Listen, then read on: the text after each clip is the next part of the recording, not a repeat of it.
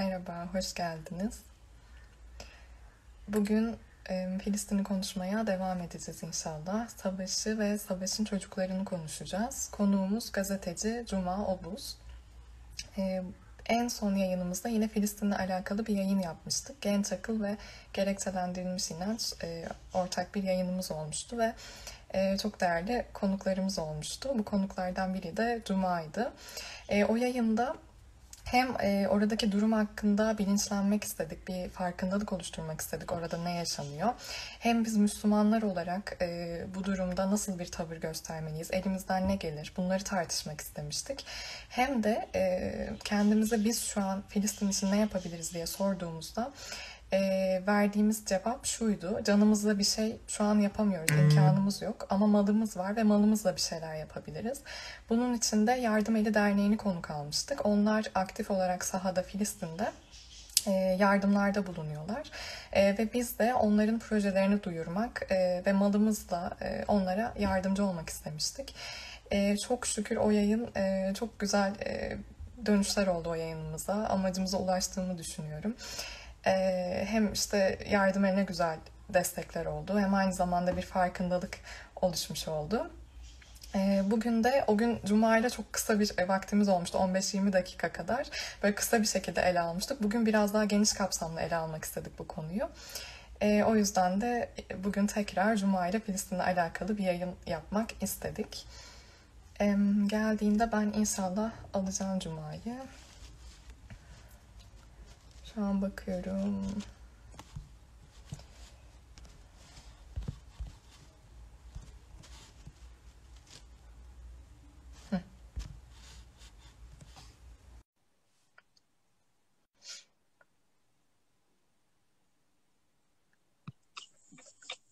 Selam. Selam, merhaba, iyi akşamlar. Selamlar, hoş geldin Cuma. Nasılsın? Bulduk. Teşekkür ederim Merve. Sen nasılsın, iyi misin? Ben de iyiyim. Çok teşekkür ederiz davetimizi kabul ettiğin için bugün burada olduğun Rica ederim ne demek. Ben çok teşekkür ederim özellikle böyle bir e, konu üzerinden beni davet ettiğiniz için. E, tekrar tekrar teşekkür ederim. Geçmiş yayın itibariyle de, şimdiki yayın itibariyle de tekrar teşekkürlerimi sunmak isterim.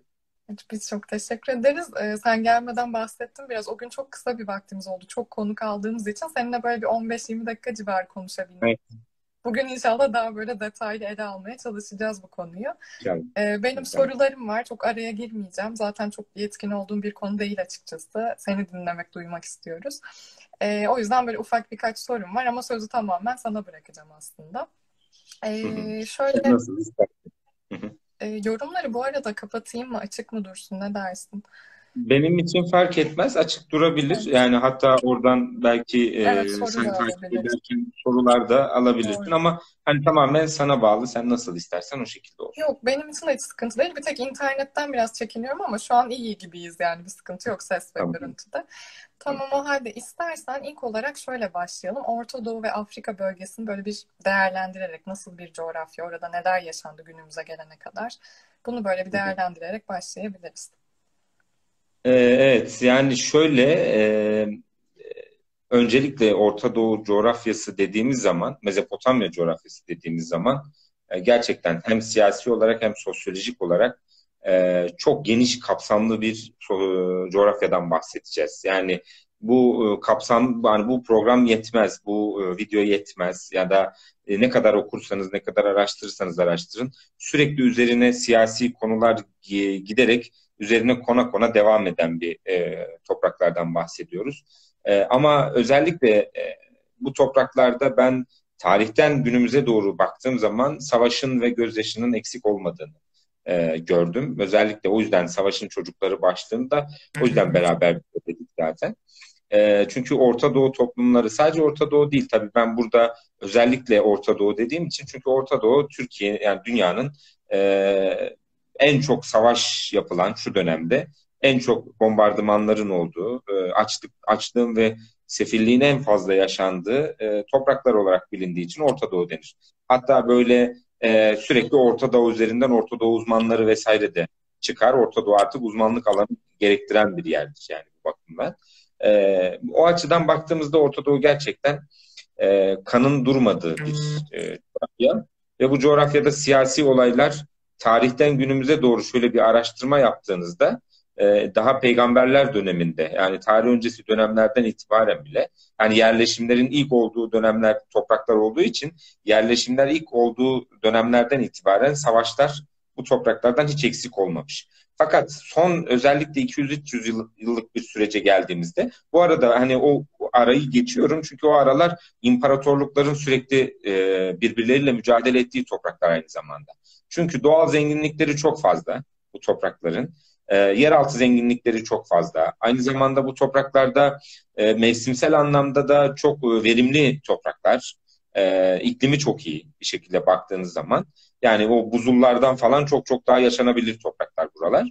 E, yani her noktasına baktığınızda her noktadan gerçekten e, cazibeli topraklar diyebiliriz ki e, tarihte de baktığımız zaman ilk e, nüvelerini burada görüyoruz tarih dediğimiz olgunun. Hatta e, hemen yanı başımızda ben Adıyaman'dayım bu arada. Urfa'da e, biliyorsunuz e, çıkarılan artık e, tarihin ilk yani insanlığın en eski e, medeniyetinin bulunduğunu da biliyoruz. Şimdi e, Göbekli Tepe'de.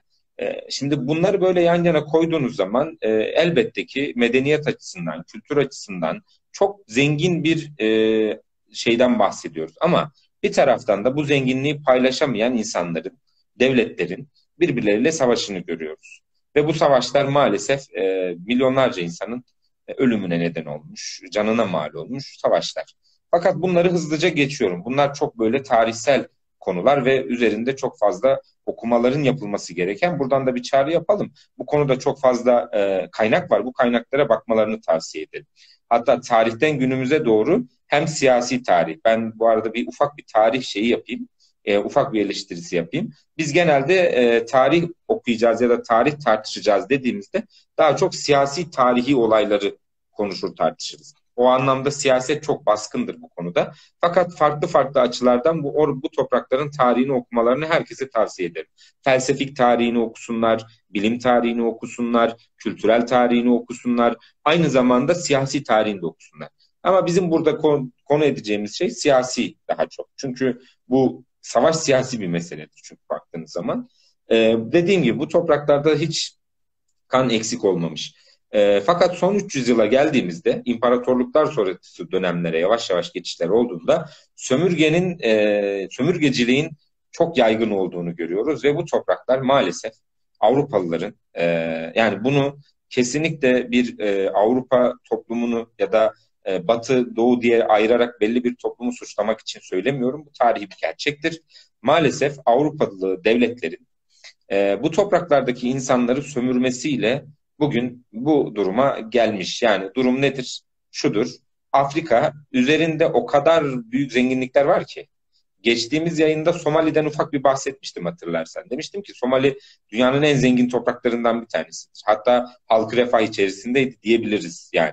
Bundan yaklaşık yani 1950'lere kadar gidin. Yani 1980'lere gidin, 90'lara gidin hatta. Yani o kadar kuraklık yok.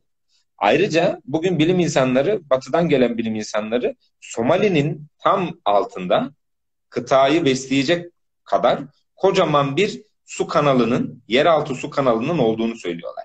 Yani aslında suyun üstünde oturuyorlar ama kuraklık var. Bunun nedeni ne olabilir? Bunun nedeni yani o toplumun e, onun değerini bilmemesi mi? E, bu elbette ki konuşulup tartışılması gereken bir konu ama bu toplumu kim bu hale getirdi? O toplumu, Somali toplumunu kim tembelleştirdi? Somali toplumunu kim hazıra konmaya, işte açlığım gitsin yeter fikrine ikna etti? Orada kuraklığı kim sağladı? Oradaki çünkü kim sağladı? Yani oraya giden petrol şirketleri. Baktığınız zaman orada bir komünist rejim gerçekleşiyor. Zaten 1900'lü yılların başlarına falan baktığınızda bütün e, Afrika'da, e, Asya'da komünist rejimler var. Bu komünist rejimler yıkıldıktan sonra, komünist rejimler de bu arada aşırı katliamlar yapmışlar. Buna en büyük örnek Kamboçya. Şöyle bir Kamboçya'ya bir baksınlar. E, buradan e, takip eden arkadaşlar Kamboçya'yı bir araştırsınlar. Kamboçya e, yani bir milyon insanın e, sadece birkaç yılda öldürüldüğü bir şey toprak. Yani Pol Potlar dönemi, Pol Pot, e, Pol Potlar dönemi dediğimiz komünist rejim dönemi ve komünist rejim döneminde e, milyonlarca insan öldürmüşler kafatasından e, şeyler yapmışlar. Yani bunu söylemek çok acı bir şey.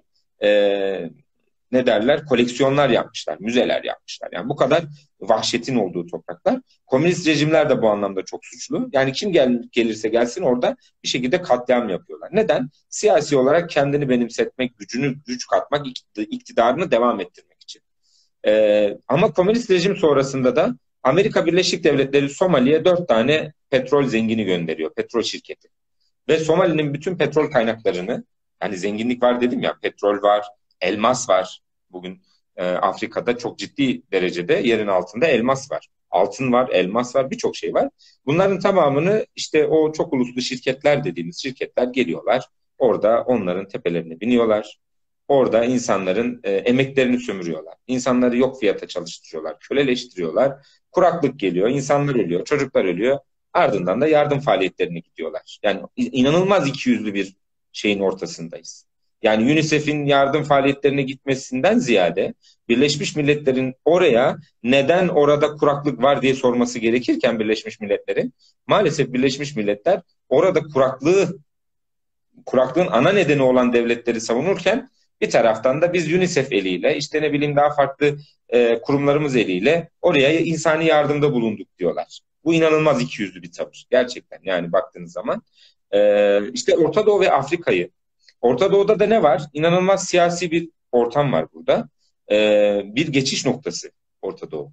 Yani Türkiye'nin de içerisinde bulunduğu Irak, İran, Suriye toprakları, hemen ardından Lübnan, zaten İsrail'in e, siyasi hırsını, Gazze'deki, Filistin'deki işgalini bilmeyen yok.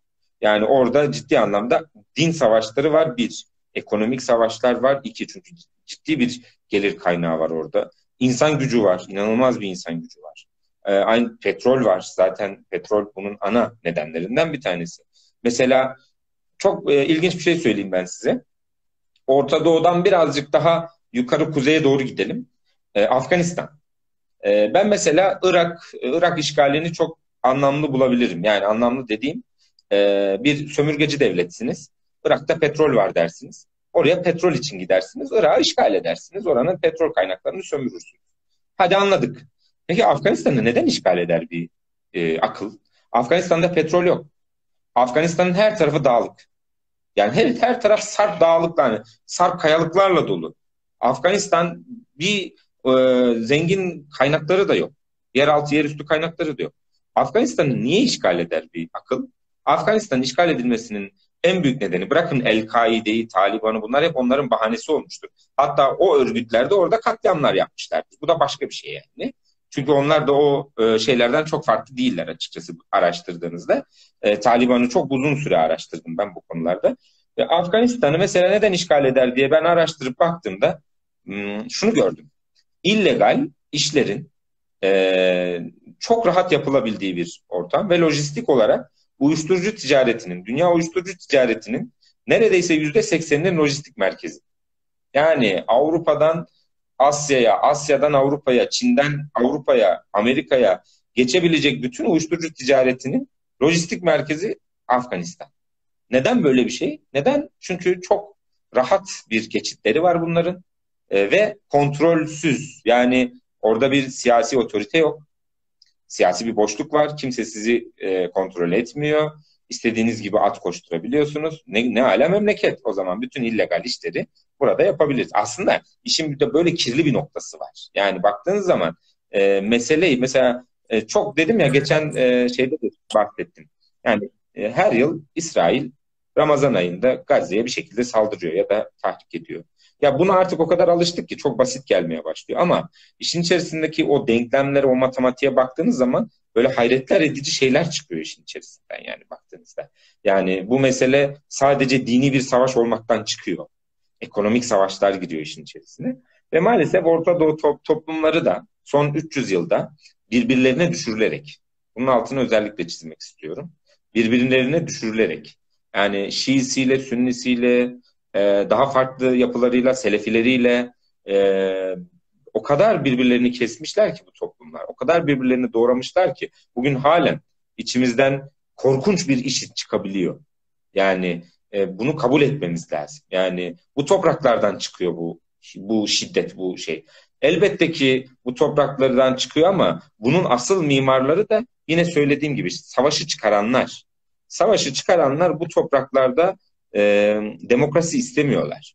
Bu topraklarda barış istemiyorlar. Çünkü bu topraklarda sağlanan barış onların barışını tehlikeye sokacak.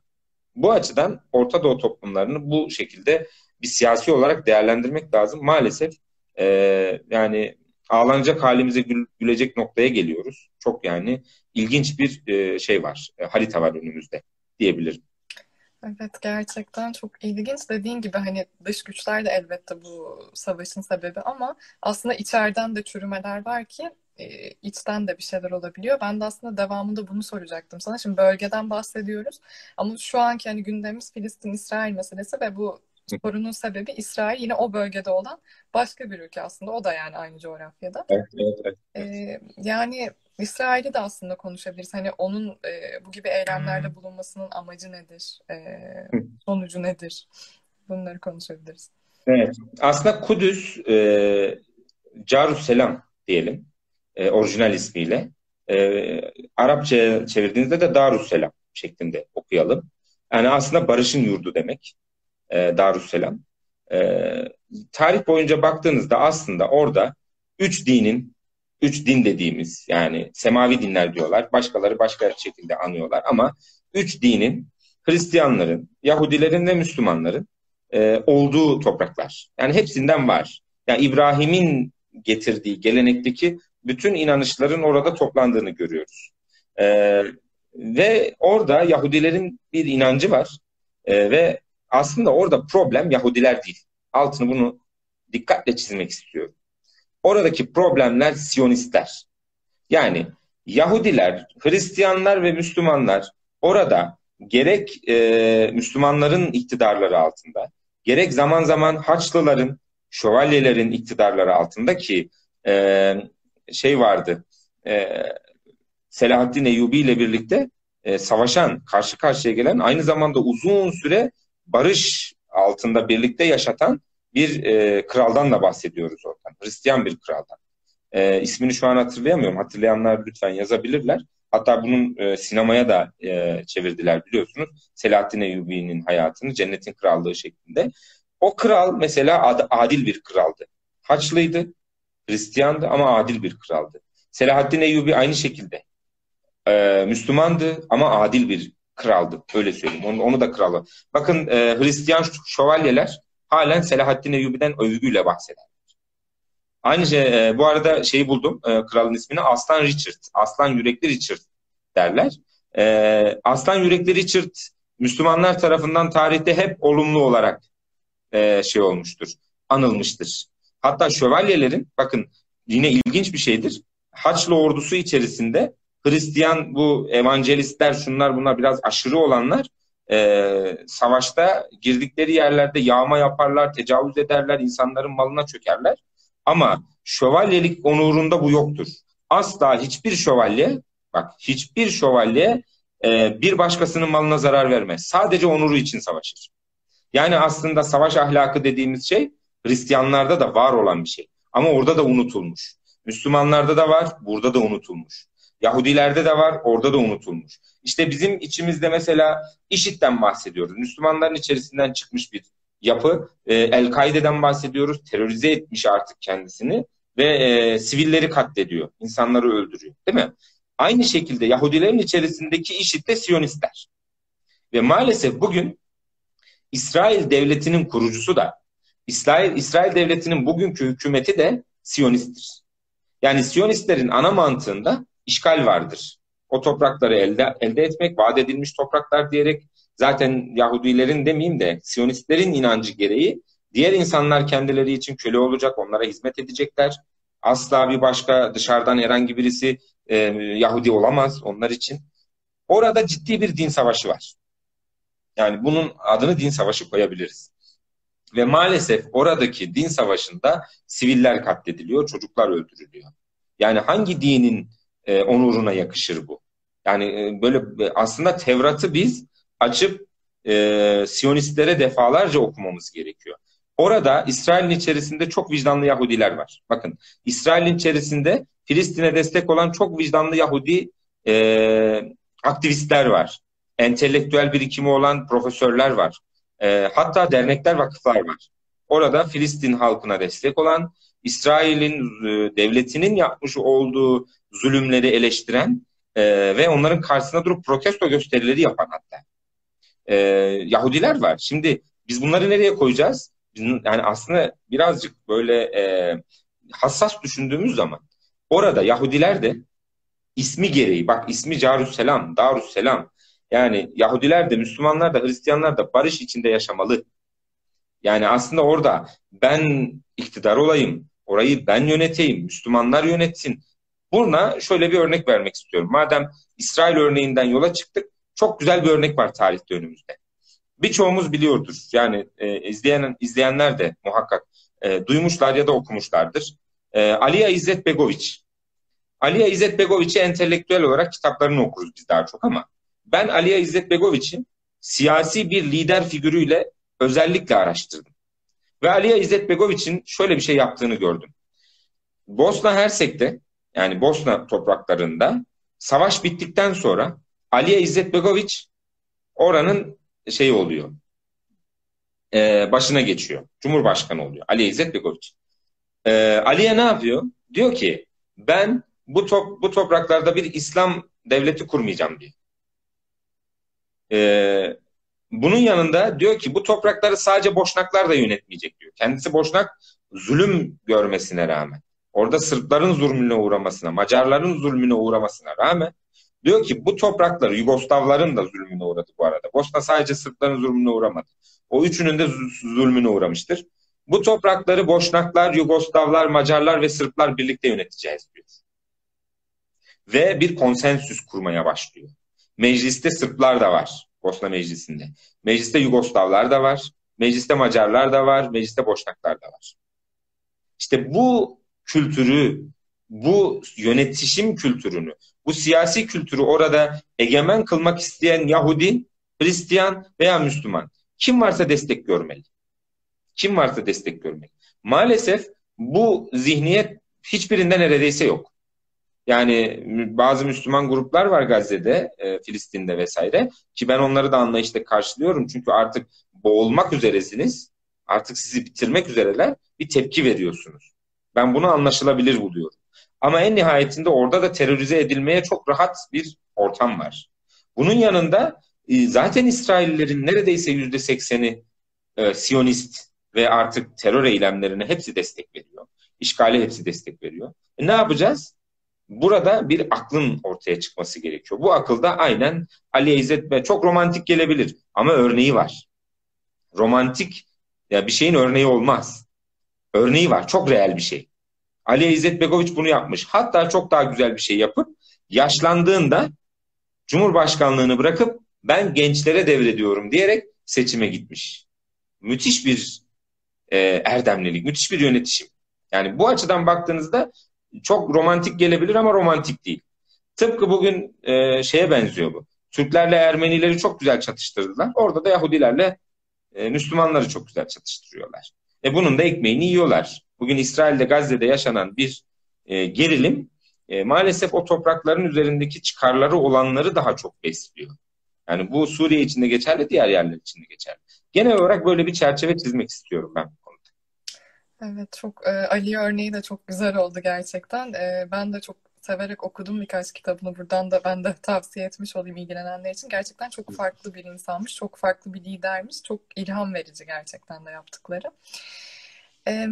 Peki şöyle devam edebiliriz istersen. Şimdi bu bölgedeki sorunları den bahsettik ama e, dünya buraya sessiz kalıyor. Yani tabiri caizse bir üç maymun e, oynama durumu var. E, görmüyor, duymuyor, bilmiyor, öyle davranıyor. E, bu neden? Yani neden kimse müdahale etmiyor? Evet. Yani bu çok üzücü bir şey. E, bu neden e, kaynaklanıyor? Ben burada sorunun çok temel bir noktasına değinmek istiyorum. Uluslararası kurumlar dediğimiz kurumlar bugün kurulduğu tarih itibariyle de günümüze geldiği durumu itibariyle de köhnemiş durumda. Yani hangi kurumu sayarsanız sayın bana. Uluslararası hangi kurumu sayarsanız. Kimi sayabiliriz? Birleşmiş Milletler en başta. Zaten Birleşmiş Milletler'in yapısı gereği Birleşmiş Milletler güçlülerin yanında yer alan bir şey. Yani aslında birleşmiş bir milletten bahsedemiyor. Yani öyle bir öyle bir yapı yok. Ne var? G8 dediğimiz bir güvenlik e, şeyi var. E, ne diyeyim? E, kurulu var. Bu kurulda 5 daimi üye var. 3 tane de yedek ve değişken üyeler var. Ve bu 5 daimi üye e, gücünü askeri olarak, ekonomik olarak ve işgallerle kanıtlamış olan e, kendinde ben dünyanın ağabeyiyim, ben dünyanın süper gücüyüm, ne olursa olsun bana sormak zorundasınız e, neyini diyeyim, küstahlığını gören devletlerin sözünün geçtiği bir güvenlik konseyinden bahsediyoruz. Yani siz Birleşmiş Milletler'de gidip konuşma yapabilirsiniz. Mesela Birleşmiş Milletler'de çok kişinin konuşması var. Mesela en baş, en basit örneği Gutenberg şimdi şeydi aynen e, bir şey vardı. Gutenberg değil de e, o da olabilir. ismini hatırlamıyorum. Bu iklim için konuşan bir kız vardı ya. E, hatırlarsınız. Yani iklim için konuşan o küçük kız çıktı konuştu. E ne oldu? Hiçbir şey. İklimle alakalı halen bir karar alınabilmiş değil Birleşmiş Milletler'de. Neden? Çünkü Amerika Birleşik Devletleri veto ettiği anda hiçbir kararınız geçerli değil. Çünkü Fransa veto ettiği anda kararınız geçerli değil. Çin veto ettiği anda kararınız geçerli değil. Rusya veto ettiğinde kararınız geçerli değil. Fransa veto ettiğinde kararınız geçerli değil. İngiltere ya da başka bunları sayalım. Yani bu devletler veto ettiği zaman e, siz aldığınız bütün kararlar yani diğer bütün milletlerin imza attığı karar veto edilmiş oluyor. Geçmiyor. Şimdi böyle bir sistemin içerisinde siz e, Allah aşkına Filistin'deki halkın haklarını savunacak bir yapı görebiliyor musunuz? Göremezsiniz. Bu mümkün değil. Yani bunun yerine gerçekten herkesin katılımcı olduğu, madem demokrasi ise demokrasi. Demokrasi bu demek zaten. Herkesin katılımcı olduğu, en küçük devletlerin en büyük devletlerle aynı masada oturduğu, ortak şeyleri tartıştığı bir masanın kurulması gerekirken maalesef bugün gerçekten üç maymun oynuyorlar. Yani onların yaptığı açıklamalar, aldığı kararlar, ben dedim ya geçen e, şeyde de biz sadece İsrail'i durdurabiliriz. Uluslararası kamuoyu yani uluslararası kuruluşlar İsrail'i sadece durdurmaya yarıyor. İsrail'in bir daha saldırmamasıyla alakalı hiçbir şeyimiz yok. Onunla ilgili bir şey atamıyoruz. Çünkü el, el kol bağlanmış. O bölgede İsrail'in karşısına çıkabilecek. İsrail askeri olarak Filistin'e saldırıyor. Askeri olarak karşısına çıkabilecek bir güç de yok. Eskiden vardı. Eskiden Mısır İsrail'le savaşmıştı. Birleşik Arap Emirlikleri İsrail'le savaşmıştı. Arapların birçoğu İsrail'le savaşmıştır. Yani tarihine şöyle bir gidin bakın. İsrail'le savaşmışlardır. Yenmişlerdir, yenilmişlerdir olabilir. Ama bugün maalesef bölgedeki Arap devletlerinin, özellikle bölgeye yakın olan devletlerin, e, zaten Türkiye'nin böyle bir hassasiyeti var ama Türkiye'nin de eli kolu bağlı. En nihayetinde Birleşmiş Milletler'e bağlıyız biz de. NATO ülkesiyiz. NATO ülkesi olarak e, kendi başımıza askeri bir operasyona çıkamayız. Elimiz kolumuz bağlı. Şimdi böyle bir durumda, böyle bir ortamda siz hiçbir şey yapamıyorsunuz. Sadece yapabildiğimiz insani yardım ve onu yapıyoruz zaten biz. Dedim ya bu inanılmaz bir zillet. Yani insanların, Müslümanların en ufak bir şey yapabilecek olan Müslümanların devlet düzeyinde bir şeyler yapabilecek olan Müslümanların geceleri uyumaması lazım. Devlet yöneticilerinin büyük vebali var bu konuda özellikle. Yani çok karamsar bir tablo gibi gözüküyor ama gerçek bu. Ne yapalım yani? Gerçek tamamıyla bu. Yani İsrail'e karşı onun karşısında durabilecek, kardeşim sen ne yapıyorsun, niye saldırıyorsun diyebilecek bir tane devlet yok. Mısır zamanında öyleydi ama Mısır'ı da kendi safına çekti. İsrail bunu da yapıyor zaten. Yani çok akıllı bir siyaset güdüyorlar.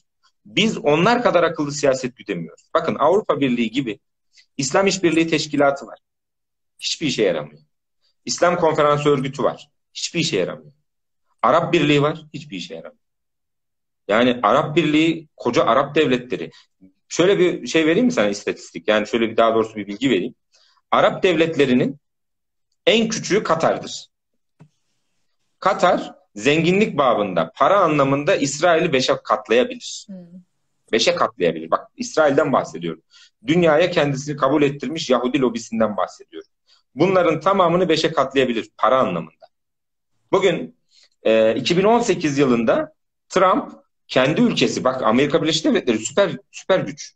Bakın süper güç olan kendi ülkesinin ekonomisini kurtarmak için gelip Araplardan 300 milyar dolar para aldı. Araplardaki paranın şeyine bakabiliyor musun şu an?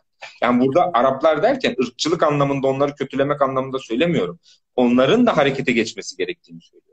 Müslümanların, insanlığın harekete geçmesi gerekiyor. Ama ortada böyle bir irade koyabilecek güç var elimizde ama o gücü etkin kullanamıyoruz. Parçalanmış güç. Güç parçalanınca kullanamazsın. Yani inanılmaz bir güç var. Bakın küçümsememek lazım.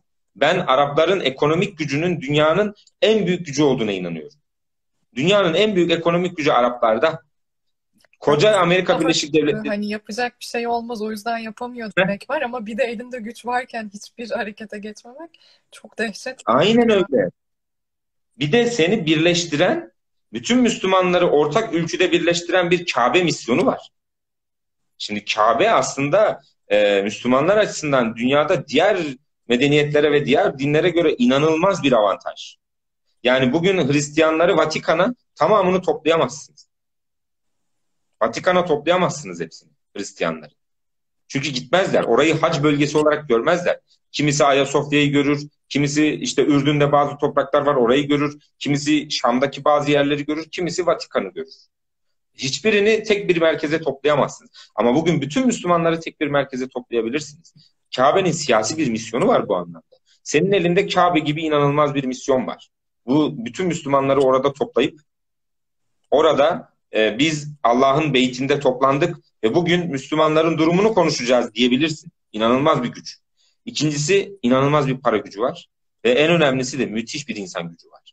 Ve bunların hiçbirini bir araya ortak olarak getirip o kavgalarımızı bir kenara bırakıp bizim bu konuda birleşmemiz lazım arkadaşlar deme iradesini bir türlü ortaya koyamıyoruz. Bunu Avrupa Birliği yaptı, bunu Amerika Birleşik Devletleri yaptı. Kendi içlerinde çok yapıyorlar bunu. Rusya kendi içinde diğer ülkelerle yapıyor. Ama biz maalesef bunu başaramıyoruz, beceremiyoruz. Bir Çünkü ayet, öyle bir kültürümüz de bir ayet vardı ya e, parçalanıp bölünmeyin yoksa rüzgarınız kesilir diyordu. Gerçekten o ayeti ya. şu an yaşıyoruz aslında. Kesinlikle. Kesinlikle. Yani o rüzgar güç oluyor zaten. Rüzgarınız kesilir, dağılırsınız dersiniz. Allah'ın rahmeti Allah rahmetinden kesilirsiniz diyor devamında. Yani Allah'ın rahmeti size verilmiş. Daha ne istiyorsunuz? Yani inanılmaz bir güç var. Yani aslında Filistin yalnız değil, yalnız bırakılmış diyelim. Yani aslında yalnız olmaması gerekiyor ama yalnız bırakılmış bir toprak. Sadece Filistin bugün biraz önce yorumda gördüm. Ee, buna da değinmek lazım. Ee, Doğu Türkistan. Ee, maalesef e, Myanmar, Doğu Türkistan'da neler yapılıyor? Çin inanılmaz şeyler yapıyor. Bakın orayla ilgili ben Doğu Türkistan'ı yakından takip eden bazı dernek üyeleriyle, profesörlerle e, röportajlar yaptım. Onların yanına gittim. Özel olarak da konuştum bazı konuları. E, ve inanılmaz şeyler var. Yani e, Doğu Türkistan'da Çin, Çin'in oradaki Müslümanlara uygulamış olduğu işkencelerin e, aklınız, hafsalarınız almaz yani. E, keza Filistin aynı şekilde. Keza Filistin askısı diye bir şey var. Filistin askısı nedir hiç duydun mu? Filistin askısı e, işkence yöntemlerinde Filistin askısı sembolleşmiş bir şeydir. Sizin elinizi şöyle arkadan bir şeye bağlarlar. Bir kütük gibi bir şeye bağlarlar. E, odun gibi bir şey ya da demir gibi bir şeye. Saatlerce, günlerce sizi öyle asılı bırakırlar. Her tarafınız donana kadar Öyle kalırsınız. Filistin askısı derler. Sizi askıya asıyorlar. Yani öyle düşünün. Filistin askısı denilen şey işkence literatüründe kavramlaşmış. Yani böyle ağır bir şeyden bahsediyoruz. Ve bu ve bunu yapanlar daha 50 yıl önce, 60 yıl önce o zulme maruz kalan adamlar. Onların torunları. Maalesef inanılmaz kötü. Yani intikam duygusuyla ve intikamı yanlış yerde alıyorlar. Yani mazlumu öldürdüm ben de başka bir mazlumu öldüreyim o zaman şeklinde. Ve bu silsile insanlığın bir kere birleşmesi gerekiyor bu konuda. Neden bir şey yapamıyoruz? Uluslararası kuruluşlar sessiz. Siyasi çıkarlardan dolayı devletler sessiz. Çin'e biz neden ses çıkaramıyoruz? Çünkü Çin'le alakalı Türkiye'nin inanılmaz bir ticaret hacmi var ve bu ticaret hacmi bozulmasın diye Çin'in Doğu Türkistan'a uyguladığı zulme sessiz kalıyoruz. Böyle bir düzen var mı? Böyle bir şey nasıl vicdanınız kaldırabilir? Kaldıramaz. Ve Çin diyor ki ben bir şey yapmıyorum diyor. Çin ben asimile etmiyorum diyor. Ben işkence yapmıyorum diyor. Biz de buna inanmak zorunda kalıyoruz uluslararası kamuoyu olarak. Neden? Güç onların elinde. O yüzden e, orman kanunu deriz ya demokrasi falan yok dünyada. Dünyada orman kanunu geçer. Yani güçlüysen haklısındır. Gücünü kullan, haklılığını ispat et. Bu şekilde bir dünya geçerli. Çok karamsar bir tablo çizdim ama gerçek bu. Yapılması gereken bu şeyi iyi bilmek bunların bu yönlerini yani ben burada komplo teorisi hiç anlatmadım farkındaysan. Yok dünyayı beş aile yönetiyor şöyle yapıyorlar. Bunlar hatta bunlar bizi bu gerçeklerden alıkoyacak saçma sapan fikirler bana göre. Daha gerçekçi konular var. Böyle gece gece uykunuzu kaçıracak gerçekler var. Ve bunlarla yüzleştikçe siz bu konularla yüzleştiğiniz zaman bir e, tavır ortaya koymaya başlıyorsunuz bir müddet sonra. Vicdan tavrı. İşte Rachel Corrie'nin ortaya koyduğu tavır gibi. İşte Carol Rakete'nin e, yakın dönemde e, gemi, gemiyle 40 kişinin hayatını kurtaran Carol'un sonra da tutuklanmıştı mesela. Onun ortaya koyduğu vicdansal e, şey gibi, e, tavır gibi ve tavır ortaya koymamız gerekiyor. Bu açıdan bu tavrı ortaya koymak lazım. E, ne olursa olsun vicdanın yanında olmak lazım. Ancak bu şekilde e, küçük küçük tohumlarla başlatıp gelecek nesillere bir şey bırakabiliriz yani. Evet, evet. Ben de devamında bunu soracaktım aslında. Şimdi devletler ne yapıyor, ne yapamıyor daha doğrusu onları konuştuk ama biz bireysel olarak ne yapmalıyız sence, ne yapabiliriz?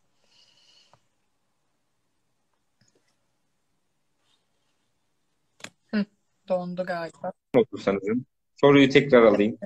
Tekrar sorayım. Şimdi e, şeyden şey sormuştum aslında. Devletlerin şey yapamadığını konuştuk burada ama bireysel olarak neler yapılabilir? Evet, ben dediğim gibi tavır ortaya koymamız lazım. Bu tavır ne tavrı? Ben boykot, e, mal mülk boykotlarını çok e, şey bulmuyorum. Yani yapanlara da saygı duyuyorum.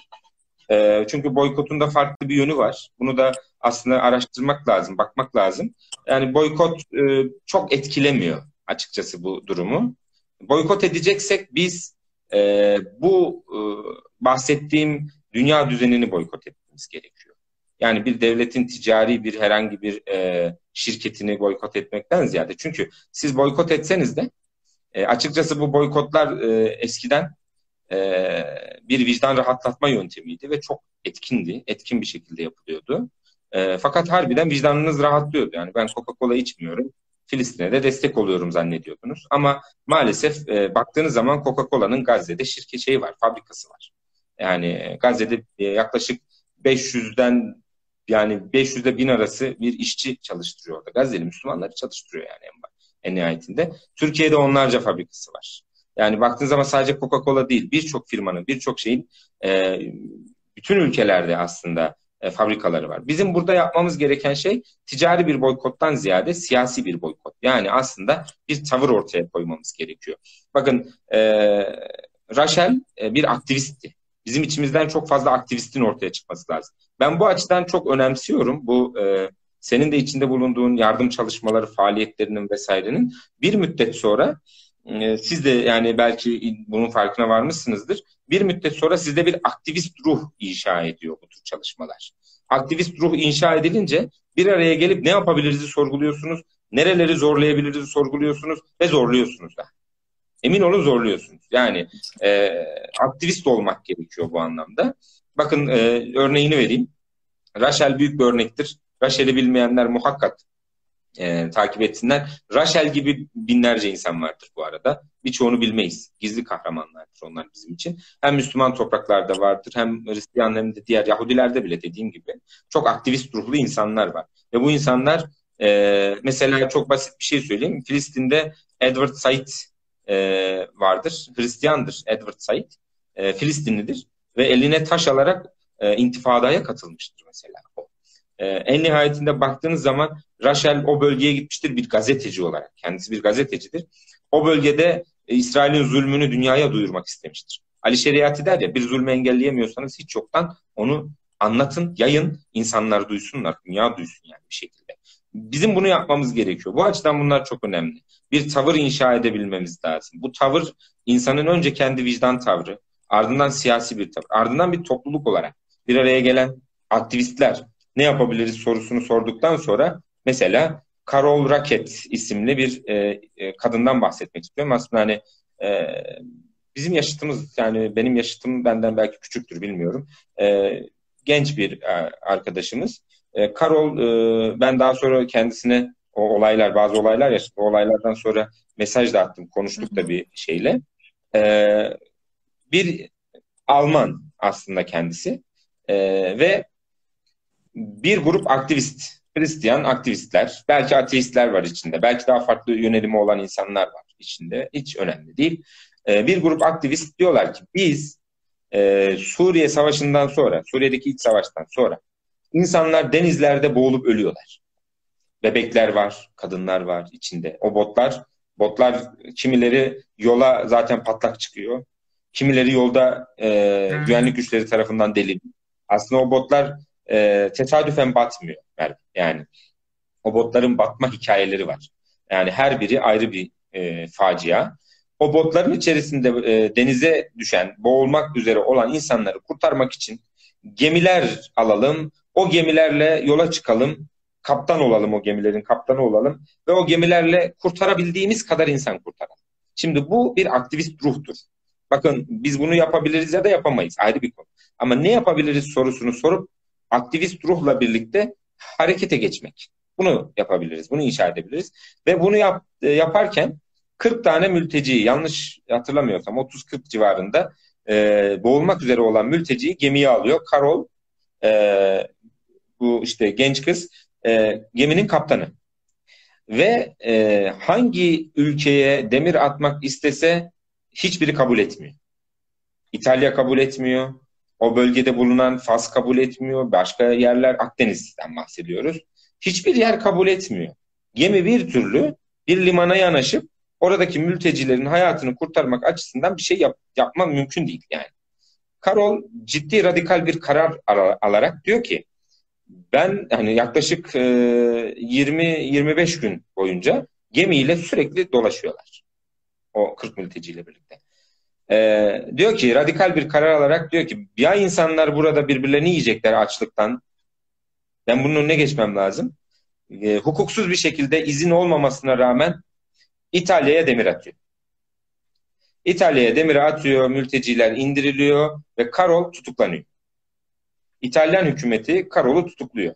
Ve mü mü müthiş bir e, şeyle, e, gururla, o duruşla e, çıkıyor mahkemeye de, hapsini de yatıyor. Ardından kamuoyu oluşuyor. İşte uluslararası ilişkiler şunlar bunlar derken serbest kalıyor. Serbest kaldıktan sonra da zaten aktivist çalışmalarına devam ediyor. Şimdi bu yakın örneklerimizden bir tanesi. Daha bu birkaç yıl önce olmuş bir olay. Yani e, Rachel çok çok eski. Rachel gibi yeni örneklerden bir tanesi bu. Şimdi biz ne yapabiliriz? Ha, e, çok saçma bir şey var. Onu da söyleyeyim.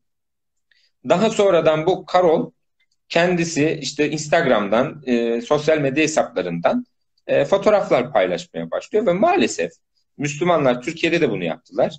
İşte onun giydiği bir tişörtten dolayı, işte e, çok çok özür dileyerek söylüyorum, iç çamaşırı giymediği için gibi nedenlerle bu kadını dışlamaya başladı. Yani o kadar saçma nedenlerimiz var ki. Yani bir insanın ortaya koymuş olduğu, hiçbirimizin belki başaramadığı e, erdemi ortaya koymuş bir insanı o kadar basitçe harcadık ki. Yani bu inanılmaz kötü bir şey. O süreçten sonra zaten ben kendisiyle mesajlaşmıştım bir e, birkaç şeyle e, ve inanılmaz bir duruşunun olduğunu gördüm. Yani bu tür insanların artması gerekiyor. Bu tür insanların bir araya gelmesi gerekiyor ve bu kadar kolay harcanmaması gerekiyor. Müslümanların bu anlamda artık kendilerine şöyle bir çeki düzen vermesi lazım. Ve birlik beraberlik zaten e, Kur'an'ın birçok ayetinde biraz önce senin söylediğin ayet gibi insan yani e, müminlerin bir arada olması gerektiği. E, onlar işte şey Saf suresi mesela birbirlerine saftırlar böyle kavvamdırlar mesela şeklinde. Saf tutarlar. E, destek olurlar birbirlerine şeklinde. Onu böyle tefsirini açtığın zaman. Yani bu e, me, ne diyeyim melekelerin bizde gelişmesi lazım. Aktivist ruh inşa edip birbirimizle dayanışma içerisinde ol. Hani sizin e, de paylaştığınız bir şey var. Çok hoşuma gidiyor. E, dayanışmamız gereken bir konu var şeklinde mi bir şey kullanıyorsunuz?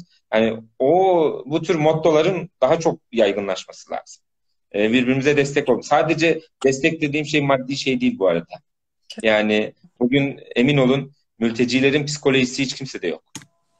Ben bununla ilgili uzun bir yazı yazdım. Çok da eleştiri aldım aslında ama mülteci olmanın psikolojisini bir düşünün dedim. Mesela çok basit uzatıyorum biraz ama kusura bakma. Ee, çok minik bir şey söyleyeyim. Ee, Suriyeli mülteciler için biz diyoruz ki gitsinler savaşsınlar. Neden kaçıyorlar geliyorlar? Yahu konvansiyonel silahların kullanıldığı, tepenizden bombaların e, atıldığı bir ortamda nasıl savaşacaksınız? Yani Kurtuluş Savaşımız evet bizim büyük bir destandır vesaire ama biz orada kazma kürekle savaştık ama biz orada uçaklara karşı savaşmadık. Biz orada karşılıklı cepheli savaştık. O savaş adil bir savaştı. Şimdi o kadar adil olmayan bir savaş var ki yani biz bu insanlardan nasıl savaşmasını bekleyebiliriz? Sonra biz bu insanların arkasından işte şöyleler böyleler şeklinde konuşup konuşup duruyoruz. Hiç empati denilen şey sıfır.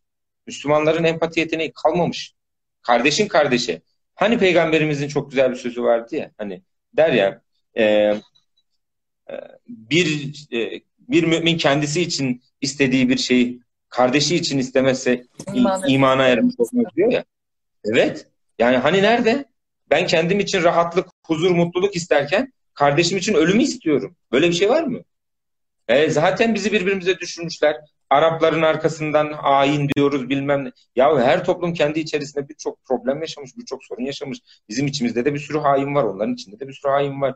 Bu kadar reflekslerimizi birbirimize bilemektense bir araya gelerek diğerlerine bilensek şimdi çoktan problemi çözmüş oluruz. Bu açıdan bu kültürü de geliştirmek lazım. Bu tür yayınlar ve bu tür e, çalışmalar da bunun için bence e, öncü olmalı diye düşünüyorum. İnşallah, inşallah dediğin gibi kesinlikle çok katılıyorum sana ve aslında bu ön yargılarımız hepimizde var. Yani sonuçta biz bir çevrenin içine doğuyoruz ve belli şeylerle büyüyoruz. Bu aslında ön kabullerimizin yıkılması bence birebir giderek o insanlarla tanışarak oluyor. Onların hayat koşullarını gördüğünde mesela Suriyeli örneğinden gidelim. Ülkemizde çok fazla evet, var evet. Suriyeli aile. Ee, bizim de ben de İyilik Rengi Derneği ile beraber faaliyetlere katılıyorum. Orada e, çalışıyorum. Gerçi pandemiden ötürü şimdi biraz e, ben katılamadım en azından. Ama hani gittiğimiz dönemlerde, dahil olduğum dönemlerde işte birebir Suriyeli ailelerle tanışma imkanım ve onların hikayelerini dinleme fırsatım oluyordu. E, ve gerçekten yani hiç böyle tahayyül edemediğimiz hayatlar var. Hani dışarıdan yargılamak dediğin gibi çok kolay işte neden burada işte falan filan diye sorgulamak ama aslında bizzat o insanın koşullarını gördüğünde gerçekten bambaşka bir bakış açısına sahip oluyorsun. Hani sadece iyilik rengi bir örnek. Hani siz de güvendiğiniz e, derneklere evet. veya yani kendi arkadaş grubunuzda bir dernek olmasına bile gerek yok. Hani gidip e, bu insanlarla bizzat tanışması, tanışmanızı veya Doğu Türkistan örneği verdik. İşte ülkemizde var mesela Doğu Türkistanlılar. Yani gidip evet, onlarla evet. bir konuşmak, onlar ne yaşamış, onların oradaki aileleri ne yaşıyor. Hani bizzat bu zulme uğrayan kişilerden bunu dinlemek e, gerçekten de hani insanın o vicdanını bir aktive ediyor hakikaten ve bir şeyler yapmak istiyorsunuz zaten. Fıtraten yani insan buna yöneliyor. Ee, çok çok doğru. Ya Cuma çok keyifli bir sohbet oldu. Yani ben böyle çok zevkle dinliyorum seni. Çok e, bir 10-15 dakikamız kaldı. Hani son olarak böyle değinmek istediğin, toparlamak istediğin şeyler varsa onları da duyalım. Tabii yani şey e, oradan arkadaşlar da katılıyorlar yorumlardan. E, oradan da e, şey olursa birebirde de eğer ben bunu da söyleyeyim öncesinden. E, elimden geldiğince eğer birebir de soru sormak, akıllarında kalan şeyleri sormak isterlerse ben bunu söyleme yani zevkle insanlarla e, bildiğim şeyleri paylaşmak isterim. Yani bunu e, elimden geldiğince diyeyim yani mesajda yazabilirler. Çünkü yetmiyor. Bu tür şeyler yetmiyor gerçekten. Ben mesela geçen e, şeyde geçen yayında kısa bir Cezayir örneği vermiştim hatırlıyorsan. E, hani dedim ya demokrasi ise bu topraklar aslında demokrasiyi çok rahat bir şekilde sağlayabileceğimiz topraklar. Yani hani diyoruz ya medeniyet inanılmaz bir kavram. Hani Mehmet Akif'in dediği gibi harbiden tek dişi kalmış canavar yani. Medeniyet diyerek, demokrasi diyerek yiyorlar zaten bizi bu topraklarda maalesef. Yani Amerika'nın o meşhur mottosu gibi Irak'ı işgal ederken biz size demokrasi getirdik. Demokrasi getireceğiz şeklinde gidiyorlar zaten. Somali'ye aynı şeyi yapmışlardı.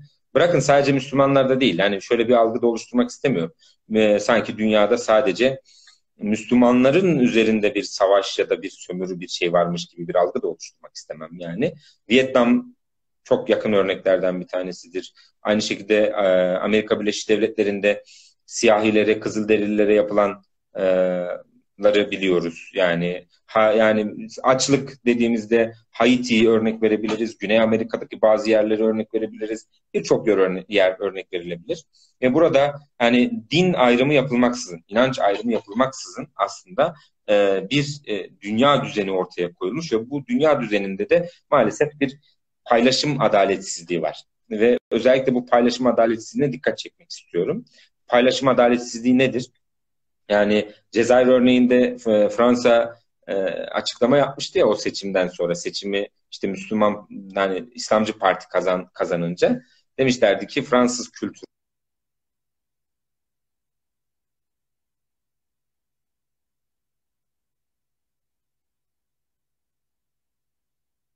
Merve gitti ama. Ee, evet bende de sen Dondu. dondun. Tam şeyde kaldık. Yorumda yazarsanız, beni duyuyorsanız devam edeyim. Ben seni duyuyorum ama sen gelmiyorsun. Evet. Yok senin görüntün gidince biraz şey yaptım. Tamam devam edeyim. Tam şeyde dondun. Şimdi orada bu İslamcı Parti başa geldiğinde Fransa dedin, dondun. Oradan alabiliriz. evet e, İslamcı Parti e, başa gelmedi. Gelememişti zaten. E, darbe olmuştu hemen. İslamcı Parti seçimi kazanınca e, Fransa'nın yaptığı açıklamada Fransız kültürünün Cezayir'de yok olmasından endişe ediyoruz. İn- yani aslında inanılmaz bir itiraftır. Yani Fransız kültürü Cezayir'de ne geziyor diye insan sorar yani bir şekilde. Cezayir'de Cezayir kültürü olsun kardeşim ders yani bir şekilde ama sömürgenin itirafıdır. Net. Şimdi sömürge politikasını yapan bu adamlar, bu devletler diyeyim daha doğrusu, e, sizin elinizdeki zenginliği çalıyorlar, kendi zimmetlerine geçiriyorlar. Sonra da sizden hesap soruyorlar. Şimdi e, inanılmaz bir adaletsiz bir paylaşım var. Şimdi biz e, yardım faaliyetleri vesaire konuşuyoruz ya. Aslında bunu da çok konuşmamız lazım. Neden fakir dünya? Ben şöyle bir şeye inanıyorum. Dünyadaki zenginlikler bütün insanlara yeter. Net bir şekilde böyle hesap ettiğinizde dünyadaki bütün zenginlikler bütün insanlara yeter. Ama herkes refah içinde yaşayabilir bu dünyada. Yani diyorlar işte dünyamızın kaynakları azalıyor, bitiyor falan. Yani azalıp bittiği yok. Bir tarafta inanılmaz bir israf var. Bir tarafta açlık ve kuraklık var. Bunun matematiği o kadar belli ki. Yani sen israf etmeyeceksin ve oradaki insanlar kaynaklarından rahatça paylaşacak. Yani e, şu var. Bu topraklar bir de paylaşımcı. Yani e, bakın e, derler ya hep Diyarbakır'da bir kapıyı çalın, karnımı aç deyin. Seni yedirirler, doyururlar, içirirler. Güzelce Hatta e, o gün orada rahat eder, yatarsın, istirahat edersin, tabağına kalkar gidersin. Hiçbir şey ödemez. Yani bu sadece Diyarbakır örneğini söyledikleri için söylüyorum. Bu her yer için geçerli. Bugün gidin Mezopotamya'nın böyle bir ahlakı var. Paylaşım ahlakı var. Bu paylaşım ahlakının ortadan kaybolmasına izin vermememiz gerekiyor zaten. Bu net bir şey. Bir ikincisi yani Avrupa'nın da işte Hristiyanların da Yahudilerin de bu o, bahsettiğim insani e, hassasiyetlere ikna edilmesi gerekiyor. Yani e, siyasi olarak onlarla tartışmak yerine vicdan a, anlamında onlarla ortak çalışmalar yapmanın daha doğru olduğunu düşünüyorum. Ya işte e, siz Avrupa'sınız, Batısınız, Batıcılık şu bu falan. Ya artık Batı Doğu birbirine o kadar karıştı ki zaten global bir dünyada yaşıyoruz. Yani dünyanın e, bir ucunda e, Instagram'dan, TikTok'tan, şuradan buradan birisinin yaptığı bir hareket bütün dünyanın hareketi haline gelebiliyor. Yani artık Batı Doğu diye bir şey kalmadı zaten. Zamanla da bu inanılmaz derecede yok olacak. Ama e, şunu demek istiyorum. Madem bu şekilde biz bu şekilde e, Batı'yla işte Avrupa'yla şunla bununla kavga etmek yerine onlarla ortak olarak ne yapabiliriz üzerine de düşünmek lazım. Yani bu aslında tam bir demokrasi anlamına geliyor benim bahsettiğim şey. Bir ideal ya da bir romantizm olarak da yine görülebilir. Ama örneklerinin olduğunu bildiğim için bana romantizm gibi gelmiyor e, şeyin örneğini vermek istiyorum. Yani e, bu topraklarda vicdanın temsil eden e, gazetecilerin olması lazım.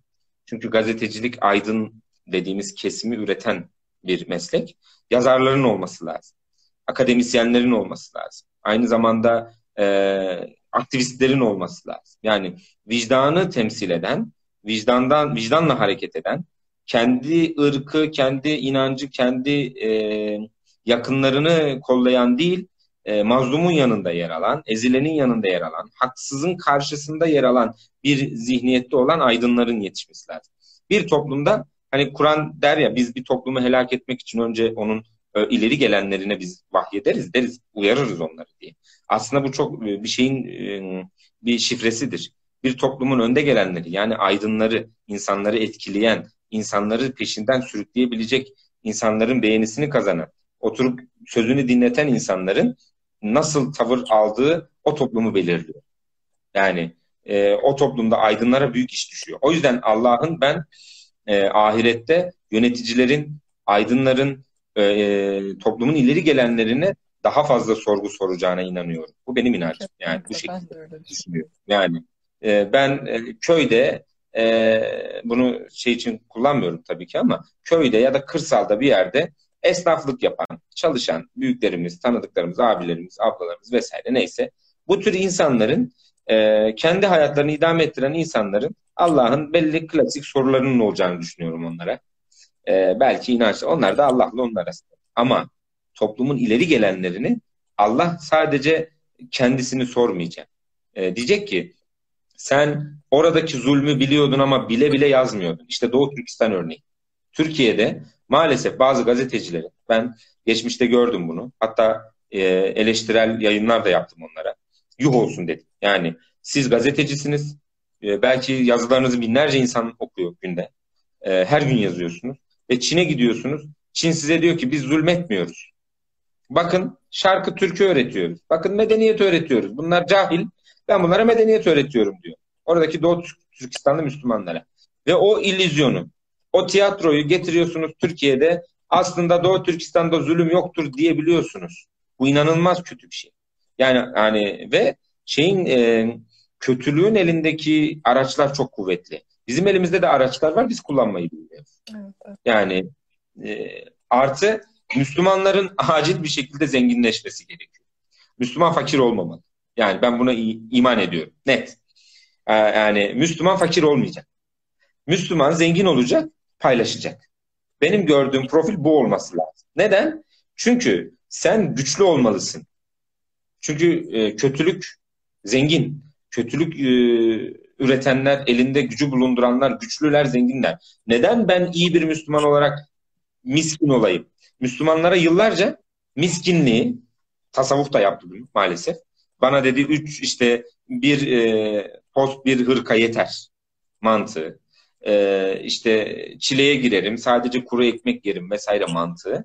O mantığı aşıladılar. Ya mesele yiyip yememek değil zaten. Ya bunu Mesela, en güzel örnek Süleyman peygamber gibi bir peygamberin olması aslında bizim kitabımızda. Yani evet.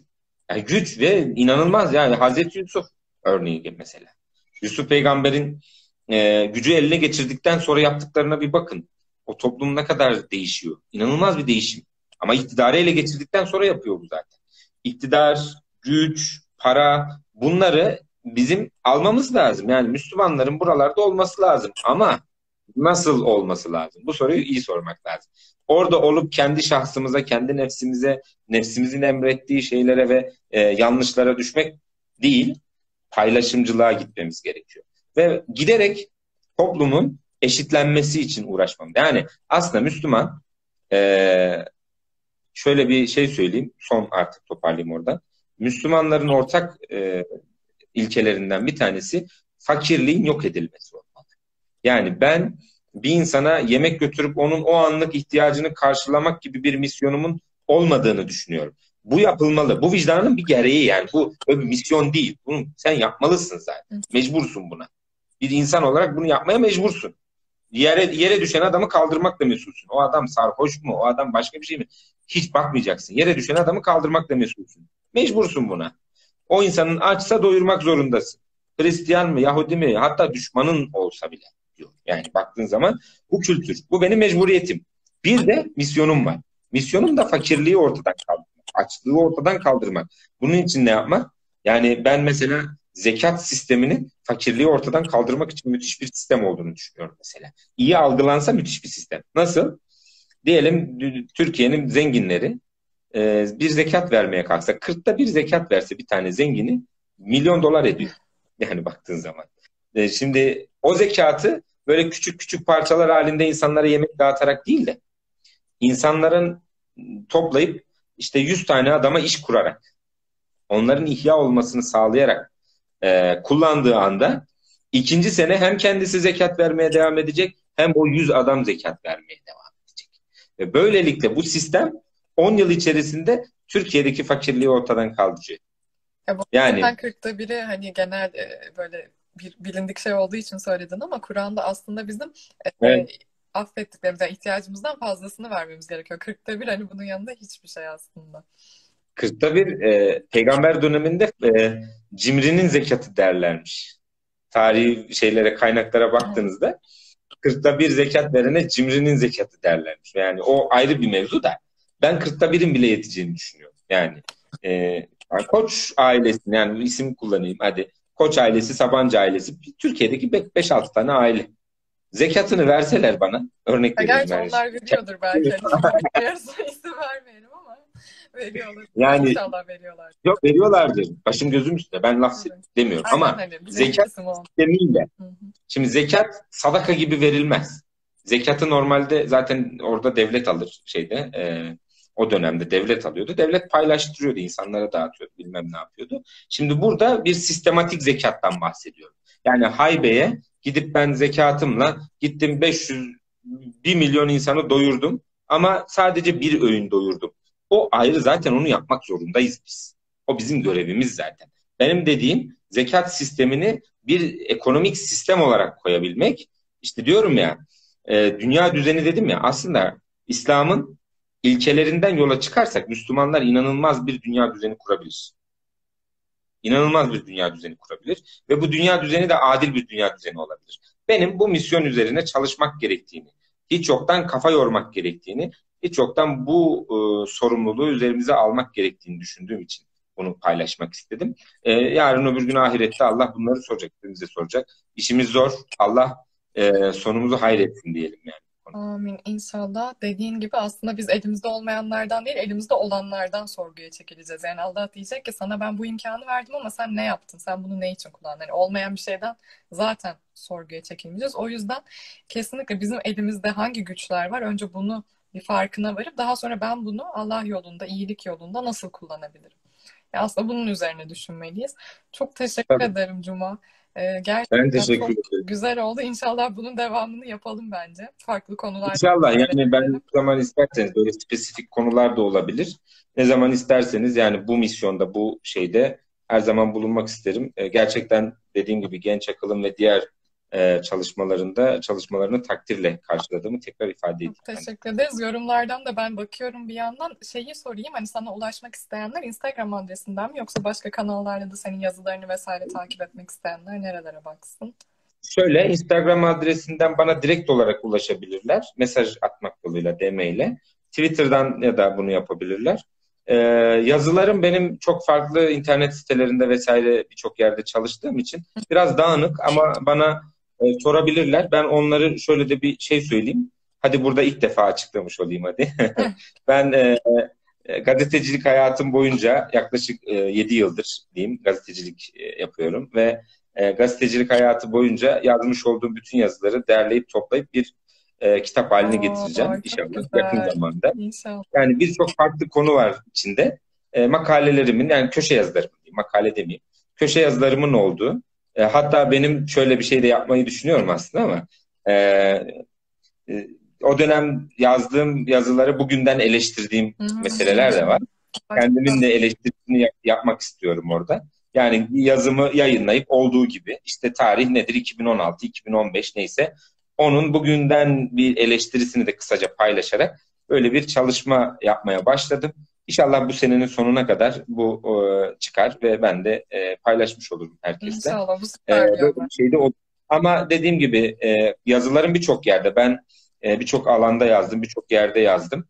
E, dağınık biraz. Ama ulaşmak isterlerse bana söylesinler. Ben e, bütün yazılarımı e, linkleriyle şunlarla bunlarla paylaşırım. Herkes de seve seve eleştirebilirler. Yani e, sonuna kadar ben açığım bu konuda. E, yeter ki hakaret etmesinler. Hakaret olunca iş başka yere kayıyor çünkü. E, bu böyle söyleyeyim yani bu şekilde e, ulaşabilirler bana. Süper süper. Ee, tekrar çok teşekkür ederim. Ee, ben inşallah görüşmek üzere diyorum ve bitiriyorum yayını. Görüşürüz. Kolay gelsin tekrardan. Da.